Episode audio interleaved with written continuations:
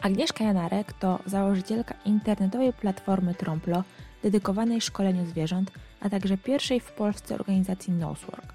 Agnieszka zdobywała wiedzę u światowej sławy trenerów, takich jak przykład Kay Lawrence czy Susan Friedman. Ukończyła również stosowaną analizę zachowań na Florida Institute of Technology.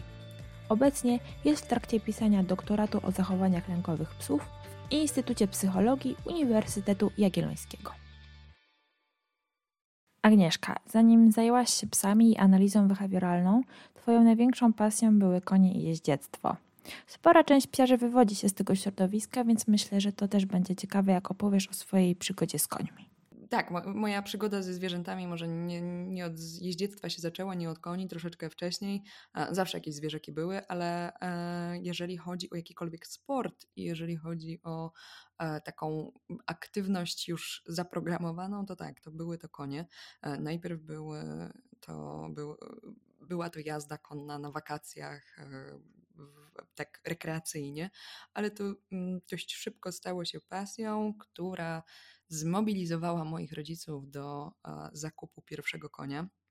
Mm, był e, to grant, kasztan, którego dostałam aż jak byłam w podstawówce, mm, i z nim rozpoczęłam przygodę sportową. Przygoda najpierw była związana ze skokami, ale jako, że ja bardzo słabo jeszcze jeździłam i Grant niespecjalnie był fanem skoków, e, to dość szybko przeszliśmy do ujeżdżenia e, i to mocno mnie wciągnęło.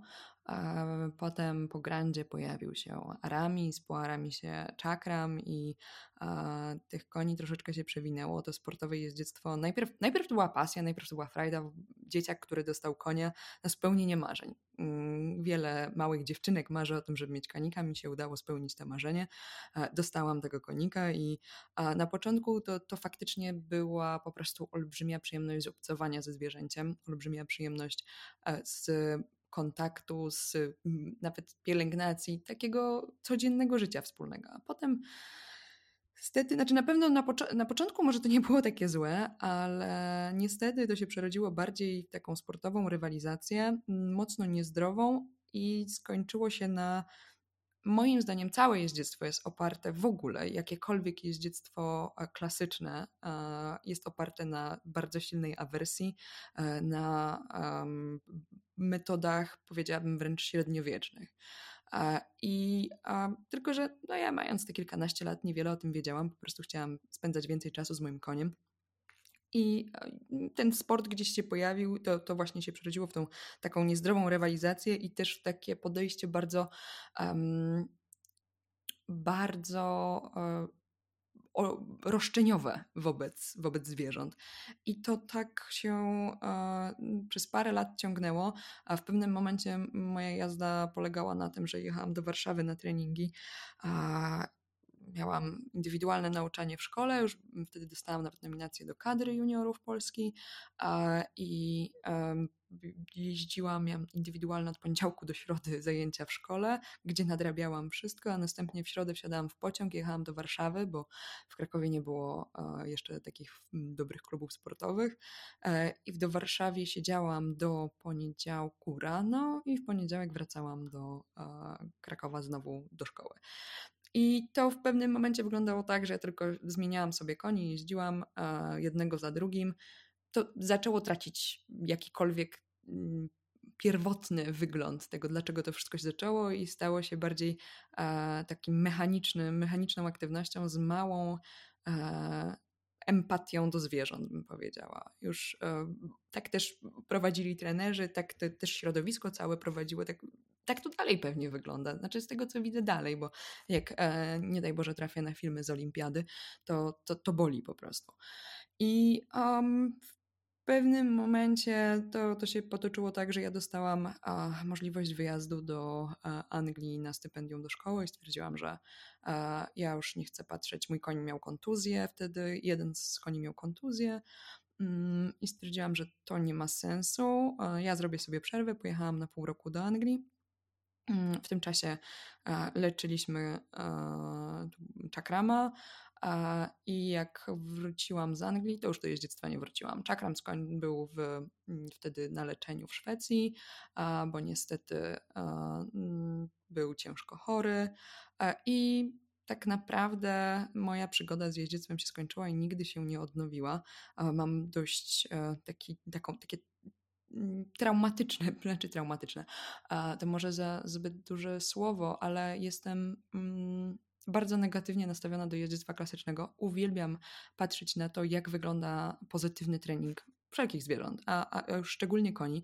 I mam nadzieję, że kiedyś uda mi się wrócić, ale mm, właśnie troszeczkę na tej samej zasadzie co z psami i nie w, na pewno nie klasyczne jeździectwo. To co najbardziej przeszkadzało Ci w jeździectwie? W jeździectwie, w ogóle jeździectwo właśnie klasyczne, bo, bo nie, bazuje tak naprawdę na zarówno przede wszystkim wzmocnieniu negatywnym i na karze pozytywnej, czyli na powiedzmy sobie szczerze, najmniej przyjemnych e, elementach, e, jakie możemy w konsekwencjach zachowań znaleźć. E, czyli używamy czegoś co jest nieprzyjemne, aby zwierzę wykonało za jakieś zadanie, e, żeby go nauczyć jakiegoś zachowania. Tam nie ma w ogóle komunikacji, my narzucamy pewne rzeczy i to jest, no, to jest oparte na sile, na, na um, presji uh, i na tym, że ten zwierzak nie ma nic do powiedzenia. Tam nikt nie pyta, czy, czy, czy dziś ma ochotę. I um, jest bardziej traktowany jako maszyna. Ja pamiętam, jak byłam na treningach w Niemczech um, u wicemistrzyni olimpijskiej, to e, koń podstawowy, który już przeszedł na emeryturę, ale e, był tym, z którym zdobyła wicemistrzostwo olimpijskie, nie chodził na padoki, żeby sobie pobiegać, tylko chodził ewentualnie na spacerki e, z, z człowiekiem, dlatego że mógłby sobie krzywdę zrobić. I on całe życie stał w boksie i ewentualnie wychodził na takie spacerki. No to jest po prostu taki wyzysk, bezpośredni, okropny, nieludzki, nie, nieludzkie traktowanie. Trenujemy konie w ten sposób już od setek lat i myślę, że ludzie też przestali zdawać sobie sprawę z tego, jak dużo presji stosuje się w jeździectwie. Tak, w większości właśnie, mm, bo zachowanie pojawia się albo dlatego, że do czegoś dążymy i chcemy coś uzyskać, albo dlatego, że czegoś unikamy. I w, o ile jak dążymy do czegoś, żeby zyskać, to jest z reguły mówiąc bardzo kolokwialnie, fajnie. Kiedy z kolei musimy unikać czegoś, żeby otrzymać to, e, unikać czegoś nieprzyjemnego i dlatego coś robimy, no to tu już mamy duży problem. I to oczywiście zdarza się w naturalnym środowisku, e, aczkolwiek każdy organizm dąży do tego, żeby było tego tak zwanego wzmocnienia negatywnego jak najmniej. A niestety całe jeździectwo od właśnie wielu, wielu lat opiera się na tym, że żeby koń coś zrobił, to należy sprawić, żeby było mu nieprzyjemnie i on będzie tego po prostu unikał, więc będzie, jeżeli go nakierujemy na taką, e, taki chód, taką aktywność, ten skręt, obojętne, e, jeżeli go nakierujemy na to, czego my oczekujemy, jednocześnie zorganizujemy takie nieprzyjemne warunki, z których on będzie chciał uciec, będzie ich unikał, to osiągniemy wtedy nasz zamierzony cel. I to niestety, nawet jeżeli popatrzymy w ogóle na sprzęt, który jest używany, od ostróg przez sztuki, e, podwójne wodze, no to, to tak wygląda troszeczkę jeszcze jakbyśmy mm, pomylili wieki i, i jakbyśmy dalej żyli w średniowieczu. A kiedy przyszedł taki moment, że przestało ci to sprawiać y, radość? Czy potrafisz określić taki czas? Bo odnosiłaś całkiem spore sukcesy, więc z jednej strony to mogłaś być y, zadowolona mm, z tego, z tej pasji. Znaczy ten moment przez wtedy, kiedy mi to mi, mi przestało to sprawiać frajdę, bo zauważyłam, że mm, to nie, ja, ja, przestałam czerpać przyjemność z samego obcowania ze zwierzętami. To wszystko stało się takie mechaniczne i tylko trzeba było wykonać trening yy, i, i koniec. I to by było na tyle. I pryzma, przez, pryzmat, przez jaki ocenia się zwierzę, jest czysto um, praktyczno. Um, taki uh, użytkowy, tak? Czy, czy ten koń się do tego sprawdza, nikt nie przywiązuje, nie ma w ogóle jakiejś więzi między człowiekiem i koniem. I mm, myślę, że ten moment, kiedy okazało się, że mój, mój koń jest chory, czym nie wiedzieliśmy, gdy, gdy go kupowaliśmy i mm, że, że jednak czeka mnie albo przerwa w karierze, albo w ogóle postawienie wszystkiego na jedną kartę i już tak tylko i wyłącznie pójście w jeździectwo, stwierdziłam, że chyba wolę pojechać do Anglii do szkoły i zobaczyć z perspektywy czasu, jak to będzie dalej wyglądało i dlatego tak to, tak to zrobiłam. I wtedy mm, nadszedł ten moment, że to chyba nie o to chodziło w ogóle na początku. Czyli bardziej to, że mm, w środowisku liczył się sport niż y, konie odepchnęło cię od tego. Oj, tak, zdecydowanie, tak. I, o, I to, że ja w pewnym momencie zaczęłam zapominać, dlaczego ja w ogóle to jeździectwo zaczęłam uprawiać i a, dlaczego ja tak strasznie chciałam mieć na początku konie i chciałam spędzać czas z końmi i samą frajdą dla mnie było a, przebywanie a, e, w obecności zwierząt.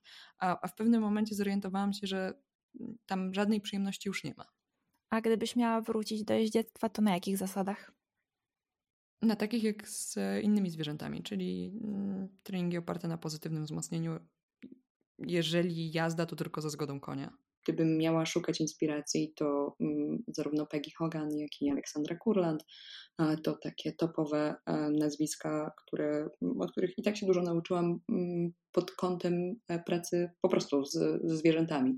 Bo myślę, że tu też jest taka duża kwestia, bo my często dzielimy te gatunki. Oczywiście jest aspekt etologiczny, gdzie musimy wiedzieć, e, dlaczego um, pracujemy, jakie są potrzeby danego zwierzęcia.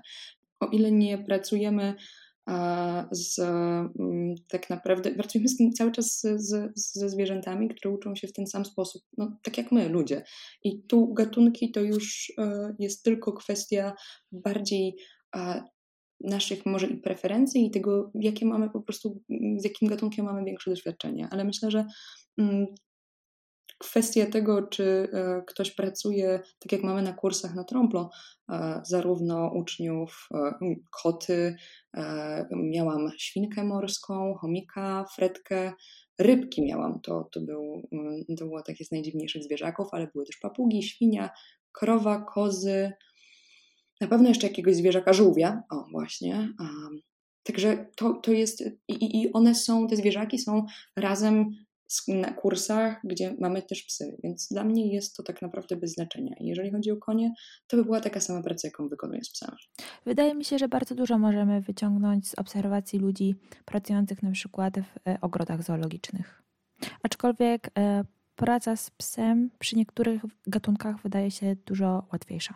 Znaczy pies jest bardziej, my jesteśmy przyzwyczajeni bardziej do zachowań psa i też pies więcej błędów wybacza. I to jest niestety z dużym dyskomfortem często dla niego, bo zarówno kot, jak i wąż, jak i rybki ciężko zmusić do pracy. I um, to jest myślę, że z jednej strony dla nich e, dość duży plus i ułatwia im życie, z kolei dlatego nam się też czasami lepiej pracuje z psami, ale to często wiąże się z tym, że mamy po prostu mniejsze umiejętności i um, nie potrafimy tego przełożyć na inne gatunki. I oczywiście są preferencje gatunkowe i tak coraz więcej z ogro ogrodów zoologicznych e, pracuje e, fantastycznie ze zwierzętami. Jest masa przykładów i ja tutaj zrobię taką dygresję, bo oczywiście, że nie jestem zwolennikiem ogrodów zoologicznych. Ja bym wolała, żeby wszystkie zwierzęta były na wolności, ale nie żyjemy w takim utopijnym świecie i ponieważ ogrody zoologiczne już są, tak samo jak są oceanaria, to naszym zadaniem człowieka jest sprawienie, żeby życie zwierząt, które tam przybywają, było możliwie jak najdogodniejsze, jak najmniej awersyjne, najprzyjemniejsze. I masa trenerów, osób pracujących z tymi zwierzętami, zajmujących się ich uczeniem, robi naprawdę kawał dobrej roboty. A co wyciągnęłaś z tego etapu w życiu w odniesieniu do psów? Żeby nie powtarzać tego samego, a zaczęło się niestety, w pewnym momencie wpadłam w taką pułapkę um, tych samych zachowań i, i, to samo w pewnym, na pewnym etapie zaczęło się powtarzać, ale na pewno to, że no nie chcę nigdy e, powtórzyć mojej przygody z jeździectwem w odniesieniu do jakiegokolwiek zwierzęcia. Początkowo nie wiązałaś chyba swojej przyszłości ze zwierzętami, bo zaczęłaś studiować prawo. E, skąd się to wzięło? Prawo, zawsze, zawsze chciałam studiować prawo. To, to, to był mój e, pomysł od chyba jak miałam 13 lat. E, nawet jak miałam kontynuować jeździectwo, to prawo miało być kierunkiem, który skończę, e, ale mój uniwersytet skutecznie zniechęcił mnie do kontynuacji pracy w zawodzie, więc ja tylko to prawo skończyłam i nigdy nie kontynuowałam pracy i już będąc na studiach zaczęłam pracować, to, to, się tak nałożyło. Na początku studiów zaczęłam pracować z psami i od tego czasu to właśnie to psy były mm, tą, tą główną aktywnością e, po jeździe, po, po koniach, a mm, prawo, prawo już skończyłam, bo zaczęłam e, i kim chciałam zostać? Na samym początku Zawsze moim celem było, e, od dziecka chciałam być niezależna i nigdy nie chciałam u kogoś pracować. I to mm, e, obojętne, czy miałam być prawnikiem, czy, czy jeźdźcem, czy kimkolwiek innym, to moim głównym założeniem w życiu było to, że ja chcę być osobą niezależną i decydować tylko o sobie. I póki co mi się udaje. Kto był twoim pierwszym psem? Moim pierwszym psem był Alibaba. York. E, to był, e, ja marzyłam, znaczy marzyłam o jakimkolwiek zwierzaczku, ale mieszkaliśmy w centrum, w centrum Krakowa. Moi rodzice byli dość zajęci i no, dla nich każdy zwierzak był dość dużą odpowiedzialnością i nie chcieli po prostu wziąć pieska dla dziecka. E, dlatego jak Alibaba padła decyzja, że e, będzie nowy członek rodziny, że będzie to pies, ja na początku bardzo chciałam, znaczy szczerze mówiąc, jak zgodzili się na psa, to mm, cudownie, już obojętnie jaki pies. Chcieli małego psa, jeszcze Jorki wtedy nie były popularne i wzięliśmy, to były jedne z pierwszych Jorków w ogóle, bo to był 99, e, właśnie Jorka Alibabę, który dla mnie był bardziej takim e, bratem, z którym się wychowywałam i to były bardziej nasze takie relacje. E, a wcześniej miałam e, wakacyjnego psa Bena, Benjamina, e, takiego mieszańca owczarka, którego nad morzem na wakacjach odwiedzałam i przez dwa miesiące zajmowałam się nim, bo on mieszkał w Kojcu, a ja go brałam na spacery, chodziłam z nim na plażę, więc zanim pojawił się Alibaba, to mój taki psi kompan to był owczarek Ben. Czy z nim już coś robiłaś, czy to był taki typowy kanapowy pies? Alibaba był e, terierem z krwi i kości. Mm, zawsze go e, traktowaliśmy jako psa, nie jako maskotkę. I Ali ze mną mm, nic kompletnie nie trenowaliśmy takiego mm, zaplanowanego z jakąś strukturą, to bardziej były jakieś gry i zabawy wspólne, zabawa wchowanego, e, jakieś e, wspólne aktywności, trekking, ale e, to nigdy nie zostało nazwane, to nigdy nie było nazywane treningiem, a bardziej zabawą z psem. Czyli trenować zaczęłaś dopiero ze swoim kolejnym psem, Gackiem. Tak jest. Z reinkarnacją Alego, częściowo, z Gackiem. Gacuś, ponieważ jak Aluś e, odszedł od nas, zmarł mm, w wieku 10 lat, niestety niewydolność nerek, e, to e, ja szłam na studia mm, i marzyłam, że chcę koniecznie następnego psa i zdecydowaliśmy, że będzie to pies adoptowany, że weźmiemy psa ze schroniska. I jeszcze nie wiedzieliśmy jakiego i mój wybór był taki, że po prostu pies, który mi się spodoba. Przegląd był najpierw owczarek niemiecki jakiś, chyba Westa, przegląd coś w stylu Westa. Tam po prostu było, kryterium było tylko, żadnego kryterium nie było. I to bardzo świadoma decyzja, znaczy świadoma, że to jest odpowiedzialność i nieważne jakiego psa weźmiemy, to oczywiście e, będzie e, i będziemy o niego dbać, ale pod kątem takiego e, świadomego wyboru, jeżeli chodzi o mm, potrzeby zarówno nasze, jak i e, psa, który miałby z nami mieszkać, to kompletnie nie. I ja zobaczyłam zdjęcie, jedno zdjęcie Gacka na Gumtree, jak stał na tylnych łapkach.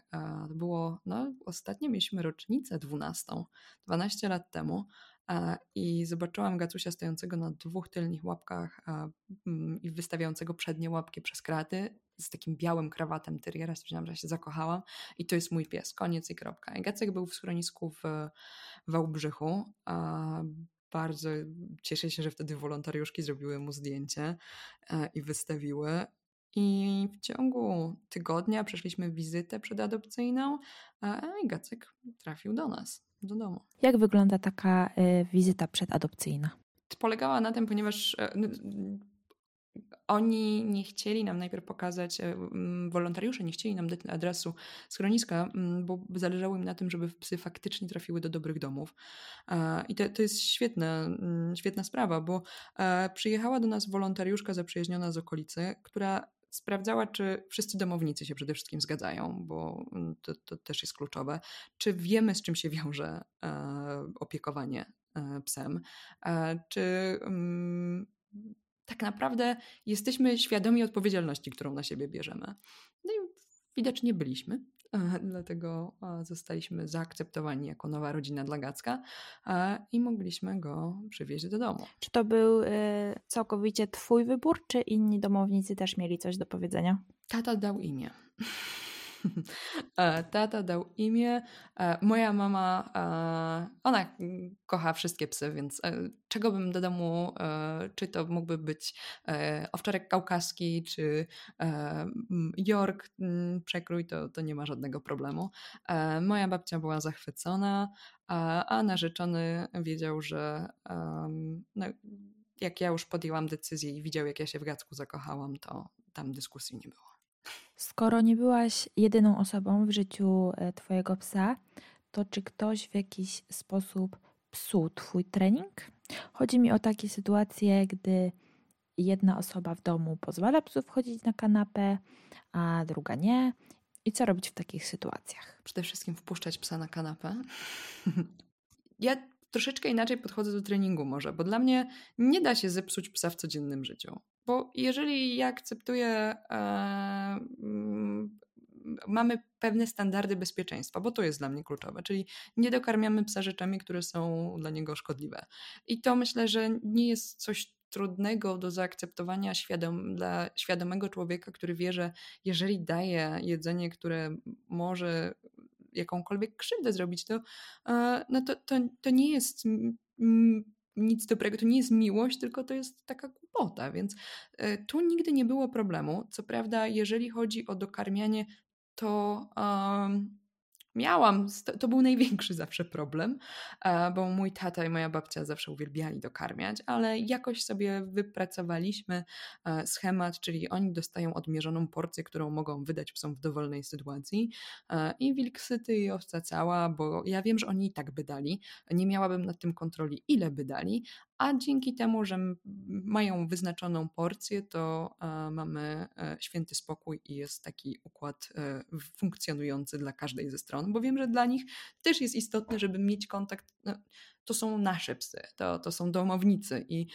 to e, też nie może być tak, że e, oni mają zakaz e, jakiejkolwiek komunikacji z psami. Więc w takich sytuacjach najlepiej jest jakiś kompromis wypracować, czyli nie zawsze wszystko uda się zrobić tak idealnie e, według naszych standardów i czasami mm, znalezienie gdzieś złotego środka, no w moim przypadku to była wyznaczona porcja smaczków, jest opcją, która myślę będzie do zaakceptowania przez wszystkie strony. Mm, ale nigdy mi nie psuli treningu, dlatego że e, to jest zupełnie inny kontekst. Mm, praca ze mną dla moich psów, one się zachowują w ogóle w inny sposób przy mnie, a zachowują się zupełnie w inny sposób przy, czy przy mojej mamie, czy przy moim tacie, czy przy narzeczonym. To, to, to zawsze jest e, inny, e, inne środowisko, inne bodźce poprzedzające, które informują je, że po prostu teraz zasady są troszeczkę na przykład inne. Czyli one nie oczekują od mojego taty, że będzie z nimi trenował, że zejdzie z nimi do sali treningowej i e, zrobi trening, ale jeżeli przychodzi ta pora e, sesji treningowej i e, to ja jestem w okolicy, a nie poszłam na trening, to wtedy tak, to naciski będą bardzo silne i moje psy stosują wobec mnie presję, mm, ale nie robią tego wobec innych, bo to się nigdy nie wydarzyło. Więc mm, jeżeli ułożymy sobie jasne zasady przejrzyste, które będą czytelne i nauczymy e, naszych oczekiwań i tak naprawdę tych zachowań, które będą dla psa zarówno dobre, jak i e, dla nas dobre, to nie powinno być kłopotu. A co w sytuacji gości, którzy nie potrafią czytać psich sygnałów, nie rozumieją psów? Czy ty ich jakoś edukujesz wcześniej? To jest tak, jeżeli goście, to są goście, którzy przychodzą często i ja wiem, że będą się spotykali z moimi psami, to tak, zdecydowanie edukuję. Jeżeli to są goście, z którymi moje psy nie muszą mieć e, specjalnie kontaktu, to po prostu tego kontaktu nie mają. Czyli e, jeżeli ktoś przychodzi załatwić jakąś sprawę i mamy e, krótką rozmowę, to mm, najczęściej w ogóle psów nie wpuszczam do pokoju, w którym są goście, dlatego że nie, ani one tego nie potrzebują, ani goście. Bo wolę szybciej załatwić sprawę z osobami, które przyszły, niż zajmować się tłumaczeniem i mówieniem, co goście mają robić, jak wejdą psy. Dlatego mm, jeżeli chodzi o e, sytuację, kiedy tych ludzi z, będziemy często widywać, to oczywiście, że konieczne jest wypracowanie pewnych reguł. No, dla mnie ludzie, którzy przychodzą do nas do domu, są też gośćmi moich psów i muszą się dostosować do warunków panujących u nas w domu, bo psy są, psom wolno wchodzić na kanapy, psom wolno wchodzić wszędzie praktycznie naszym psom wolno wchodzić, dlatego że jeżeli gość siada na kanapie, to może się spodziewać, że pies obok niego też usiądzie. Mm, jeżeli chodzi o głaskanie, to dla mnie zasada zawsze jest jedna, jeżeli pies do ciebie podejdzie e, i mm, będzie wykazywał chęć kontaktu, to możesz spróbować go pogłaskać, dotknąć i dotknąć, przestać i zobaczyć, czy on tam dalej stoi, czy nie odchodzi. Czyli zapytać tak naprawdę, czy to o to chodziło.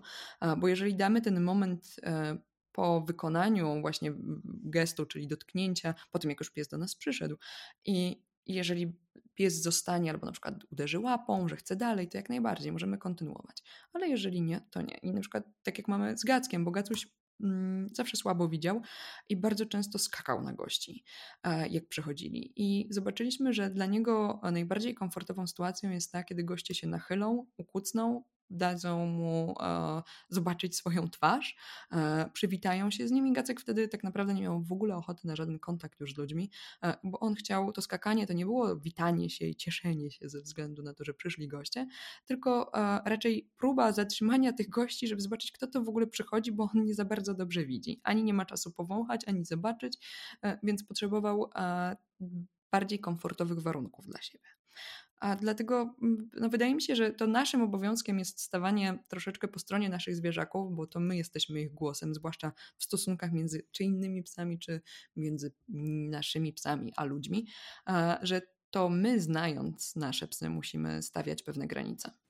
A wracając do Gacka, zauważyłaś jakieś różnice w posiadaniu psa ze schroniska, a psa od szczeniaka? No to bardzo dużo różnic było e, przede wszystkim mm, dlatego że e, ja byłam starsza i to był mój pies. Ali to był pies rodzinny i to też było zupełnie inaczej, bo ja byłam dzieckiem, no miałam 9 lat, jak Aluś przyszedł, więc to ciężko mi powiedzieć.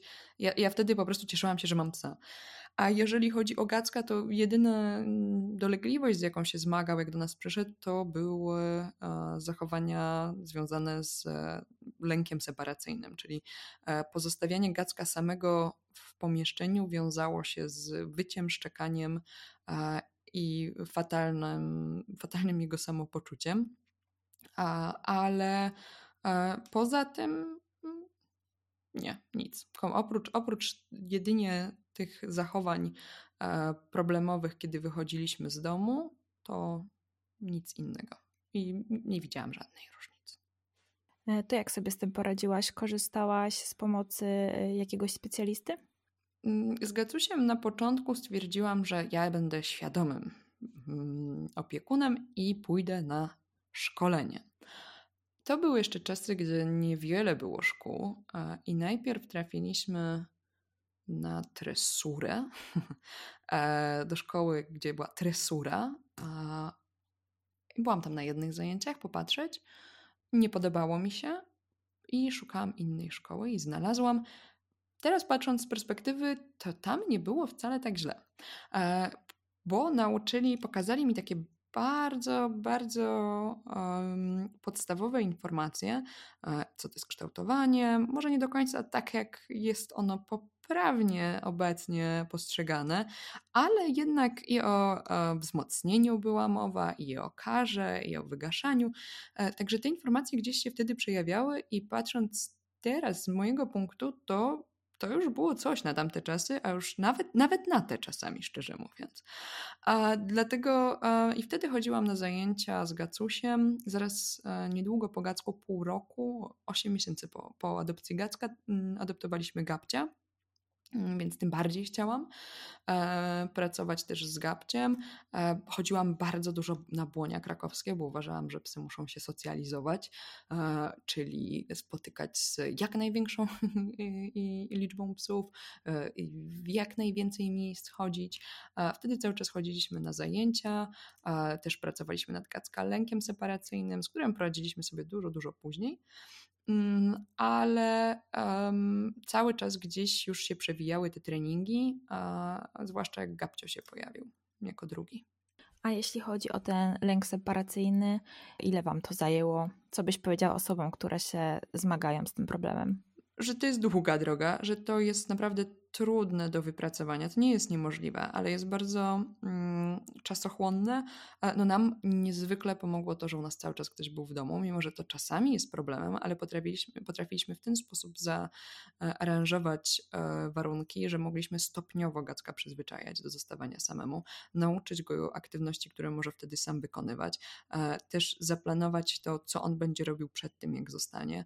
E, mogliśmy bardzo też um, prawda jest taka, że Gacek też potrzebował troszeczkę czasu do przyzwyczajenia się do nowych warunków. A to jest coś, o czym często zapominamy, że jak bierzemy psiaka, czy, czy to z hodowli, czy ze schroniska, no, no, im się zmienia całe życie. I zanim one zaczną tak naprawdę funkcjonować na taki, w takim normalnym trybie w nowym domu, to upłynie sporo czasu. I um, dla Gacka Przełomowe były pierwsze trzy lata, kiedy on zaczął się w ogóle kształtować jako osobowość i jako taka jednostka u nas. I przez te trzy lata nauczył się przede wszystkim tego, że potrafił wyjść po schodach na piętro, kiedy my byliśmy na dole i zostać sam, mm, co było niewykonalne. On za nami na początku chodził nawet do toalety. E, i stopniowo e, potem zostawał sam w domu jeszcze, e, bo na początku problemem było nawet to, że ja wyszłam, czyli jak zostawał z kimś innym niż ze mną, to, to też już związało się to z rozpaczą. Gacek troszeczkę z wiekiem wraca minimalnie do tych zachowań, stał się bardziej niecierpliwy e, w takich sytuacjach, kiedy coś jest dla niego nieczytelne, więc staramy się też bardzo mu um, ułatwiać um, kontekst środowiskowy. I jeżeli tylko wszystko jest poukładane i, i robimy to tak, jak on to zna, jak, jak on, do czego on jest przyzwyczajony, do czego jest nauczony, to na szczęście nie mamy już żadnego problemu. A mm, praca z lękiem separacyjnym, z tymi zachowaniami, które się pojawiają, no jest y, bardzo czasochłonna, ale jest niezbędna, dlatego że e, jest to bardzo dużo czasu często spędzamy nad takimi zachowaniami jak e, uczenie psa chodzenia przy nodze, siadania, mm, kładzenia się, a zapominamy, że jest dużo więcej niezbędnych umiejętności, które nasz mm, psiak powinien e, zdobyć, które sprawią, że jego życie będzie po prostu bardziej komfortowe. A dla ciebie, jako dla początkującej psiary to było trudne? Ty wiedziałaś, e, jak to wygląda? Mm, to było trudne, ale to było nic w porównaniu z tym, jak przyszła do nas Gunia. To problemy z Gackiem i Gapą nagle stały się bez problem, nie, nie problemami. Jasne, myślę, że największym problemem dla mnie było to, że nie wiedziałam, co jest dobre, a co jest złe. I, i to jest coś chyba, z czym każdy nowicjusz się boryka, że a, jeżeli zaczynamy jakąś aktywność, to mm, ciężko osobie, która nie ma pojęcia w danym temacie, zdecydować, czego ma się nauczyć. Bo jeżeli ja nic nie wiem o danej dziedzinie, to skąd mam wiedzieć, czego ja nie wiem tak naprawdę? I co powinnam wiedzieć? Więc no, tak, jak, jak najbardziej zmagałam się z tym problemem, ale moje psy skutecznie e, motywowały mnie do e, edukacji i um, kiedy już przyszła Gunia i pojawiły się pierwsze problemy z zachowaniami agresywnymi, e, to um, też szukałam pomocy profesjonalnej e, cały czas. W międzyczasie już zaczęłam trenować obi z gabciem, mm, no, tak amatorsko. Z Gackiem trochę też i z Gunią chciałam, ale Konia miała wtedy inne pomysły na życie. Przede wszystkim zmagała się z bardzo dużymi zachowaniami agresywnymi. I tak błądziliśmy, bardzo długo błądziliśmy, ja byłam bezradna, zwłaszcza w przypadku Guni, której problemy to były pogryzienia i to już Gunia jest miksem Amstafa, Pitbulla, boksera, można tam wszystko wrzucić do tego worka, też jest adoptowana. Mm, miała około pół roku, jak do nas trafiła. Gabcia miał 5 miesięcy, a Gacek miał około roku, jak trafił. I one wszystkie trafiły. Gacek trafił w styczniu 2010, Gabcio w sierpniu, a Gunia w grudniu. Mm. Dobra, to wróćmy do Gabcia. Aha. W jaki sposób podjęłaś decyzję o kolejnym psie? Mm, dalej mało świadomie, bo ja chciałam strasznie kolejnego psa i stwierdziliśmy, że Gacek jest takim dynamicznym, energicznym psiakiem i przydałoby mu się, przydałoby mu się towarzystwo. Mm, ponieważ mogliśmy sobie pozwolić ze względów mieszkaniowych na to, że jest miejsce na drugiego psa i mamy możliwość opieki nad tym psem, to padła decyzja, że okej, okay, to będzie następne. I zobaczyliśmy ogłoszenie psa o imieniu Gacek, który wyglądał jak nasz Gacek. No i to był Gabcio. E, I to była bardzo szybka decyzja. I Gacek Gabcio przyjechał do nas w sierpniu 2010 roku. I to z nim zaczęłaś trenować obedience już na poważnie. Mm, tak, znaczy to nigdy moje obi przez to, że y, po pierwsze nam spe, niespecjalnie szło, e, to, to nigdy nie było na poważnie mimo moich usilnych starań, żeby z tego zrobić sprawę życia i śmierci. E, to, to nigdy na szczęście do tego nie doszło. E, tak samo z Gackiem próbowałam trenować, gdzieś agility się przejawiało, chciałam strasznie frisbee, ale jak się potem okazało, Gacek miał e, dyskopatię odcinka szyjnego, więc to nie byłby dobry pomysł.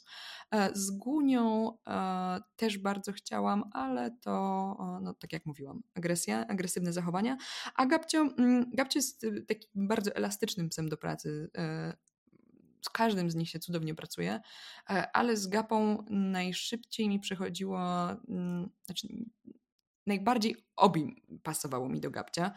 I to było gdzieś też pokłosie e, ujeżdżenia w pewnym stopniu, dlatego że jest e, jakaś zbieżność, bym powiedziała, jeżeli chodzi o ujeżdżenie i o obedience, chociaż na szczęście obedience da się trenować nieawersyjnie w przeciwieństwie do ujeżdżenia, mm, zwłaszcza z, jeżeli chodzi o wymogi um, zawodów, e, to z Gabciem trenowaliśmy pod okiem różnych trenerów, e, to e, zaczynało się rozwijać, zaczęliśmy startować w zawodach, no ale ciągle gdzieś się tam pojawiał jakiś problem, że Gabcio na początku było świetnie, po czym Gapa zaczynał nam gasnąć, wyłączać się. E, Gapcio rezygnował z sesji treningowych, wychodził. Pamiętam, jak raz byłam na, mm, pojechałam na seminarium z jakąś Szwedką. Nie przypomnę sobie teraz e, jej nazwiska, ale w Warszawie, w każdym razie z Krakowa jechałam. Pojechaliśmy z moim narzeczonym. Ja wysiadam z Gapciem, ma być moja kolej a Gabcio, miałam jakieś super smaczki, a Gabcio zaczyna przede mną uciekać. A ja go gonię z tą kiełbasą, ludzie się rozchodzą, mówią, zróbcie jej więcej miejsca, może on, on nie chce tak przy ludziach. Dawali mi swoje jakieś smakołyki, że może on będzie wolał jakieś inne jedzenie. No ale Gabcio wyglądał tak, jak ja bym go co najmniej tą kiełbasą regularnie biła. Mm, i zwiewał jak najdalej ode mnie. To skończyło się tak, że zapakowałam gapę do auta, bo nic nie dało się zrobić i pojechaliśmy do domu. To zaczęło się coraz częściej pojawiać na treningach, na seminariach, na zjazdach regularnych z trenerami. Pamiętam, żałuję, bo chciałabym mieć to nagrane, ale moja mama włączyła, wyłączyła nagrywanie w momencie, jak wchodziłam na ring. Wydawało jej się, że włącza, a wyłączyła, bo pojechałam do, na Słowację na zawody i wchodzę, to była jedynka, wchodzę na zostawanie grupowe, Gabcio idzie przy nodze. A Gabcio idzie przy nodze i ma być ten moment, kiedy się ustawiamy w rzędzie, mam wydać hasło, żeby um, pies się położył. No, a, a steward na mnie patrzy takim dziwnym wzrokiem. I ja patrzę w stronę Gapy, a go pytam, nie ma, bo Gapa uciekł do swojego, swojej budki, do, do klatki. I to był taki moment, taki, taki zimny prysznic. Ja myślałam, kurczę, dlaczego ja to w ogóle robię? To jest tak bez sensu. Przecież tak samo wyglądało w pewnym momencie jeździectwo. Nie tak samo na zasadzie, no konie nie uciekały, bo więcej przymusu bezpośredniego wobec nich stosujemy. Ale mm, to był ten moment, kiedy zdałam sobie sprawę, że zaczynam powielać pewne wzorce i zaczynam dokładnie robić to, co robiłam z końmi i tracę jakąkolwiek przyjemność, bo po co ja w ogóle zaczynałam z tym psem ćwiczyć? Ja chciałam zbudować więzie, miałam taką ogromną frajdę, że mam wreszcie swoje psy, z którymi mogę ćwiczyć, że to jest rewelacja i e, nagle robię coś, co nie sprawia ani mi, ani jemu przyjemności e, i um, stwierdziłam, że nie, to, to pora coś zmienić. Trzeba się dowiedzieć, dlaczego tak się dzieje i podejść do tego zupełnie inaczej. W międzyczasie mm, też e, sporo słyszałam, że powinnam wreszcie kupić sobie mm, prawdziwego sportowego psa, że gapa to tak e, no fajnie, fajnie na początek, ale, ale jednak trzeba pomyśleć o jakimś mm, prawdziwym sportowym psie. Do tej pory nie wiem, jaki to miałby być prawdziwy sportowy pies. E, ale stwierdziłam, że chyba wolę tego sportowego psa, którego mam. I, i Gabcio no, jak najbardziej jest takim moim spełnieniem marzeń o e, sportowym psie, ale tak samo Gacek i Gunia, jak się potem okazało. To była tylko kwestia mojej wiedzy i moich umiejętności. Ale on od początku tak reagował na treningach? Nie, to stopniowo. Mm, stopniowo, ponieważ było coraz więcej negatywnego wzmocnienia, o którym mówiłyśmy przy okazji jeździectwa, było coraz więcej kar, mm, było coraz więcej, o czym ja nie wiedziałam, było coraz więcej przymusu, mm, awersyjnych metod. Oczywiście ja ich nie traktowałam jako awersyjne, bo przecież mam trenerów nad sobą i jak gapa nie dostawia się do nogi, no to przytrzymaj go za obroże, żeby nie miał wyjścia, żeby odejść. I tak to się powielało wielokrotnie, to mm, coraz częściej e, sytuacje były takie, że Gapa po prostu e, w pewny, najpierw nie chciał ćwiczyć e, na trawie, potem na, na, mokrej trawie, potem na trawie w ogóle. Potem nie chciał ćwiczyć na czymś jeszcze, potem w ogóle na betonie nie chciał ćwiczyć, nigdzie nie chciał ćwiczyć. I na początku było to, on ma takie swoje różne dziwactwa, trzeba się do niego troszeczkę dopasować, no bo to nie jest taki sportowy pies. I to bardzo mocno się rozwijało, e, aż w pewnym momencie, no właśnie kulminacyjnym punktem były te zawody na Słowacji, kiedy Gabcio przede mną uciekł. Czyli to były jeszcze czasy, kiedy mm, awersja była na porządku dziennym i było na nią takie ogólne przyzwolenie? Dla mnie awersja jest dalej na porządku dziennym, jak oglądam treningi i e, zwłaszcza jeżeli chodzi o um, posłuszeństwo sportowe. E, no nie mówiąc już o IPO, monitoringu, ale tak samo agility czy mm, frisbee. Dla mnie tam awersja, ja nie mówię, że wszyscy, absolutnie nie, ale mm, dalej bo my bardzo często traktujemy awersję jako to, że ktoś ubiera kolczatkę, dławik i e, poddusza tego psa. A to nie na tym do końca polega. Awersja jest. E, myślę, że cała, ca, całe mm, kwintesencją problemu jest to, że my nie do końca mm, bardzo często rozumiemy zasady uczenia się i to, jak funkcjonuje jak się uczymy, to jakie są zasady e, rządzące zachowaniami i e, to, e, co działa, co nie działa, cała nauka, która stoi za tym, dlaczego robimy to, co robimy. I, i mówiąc my, mam tu na myśli wszelkie zwierzęta, mm, że często mm, postrzegamy awersję jako mm, swego rodzaju um, taką e, potocznie rozumianą karę, czyli fizyczną, właśnie te dławiki nam się z tym kojarzą, obroże elektryczne, e, kolczatki, a to, to nie tylko to. Temat awersji e, rozwiniemy w kolejnej części rozmowy. Tradycyjnie zachęcam do obserwowania profilu Kochamy Psy na Facebooku oraz mojego Instagrama.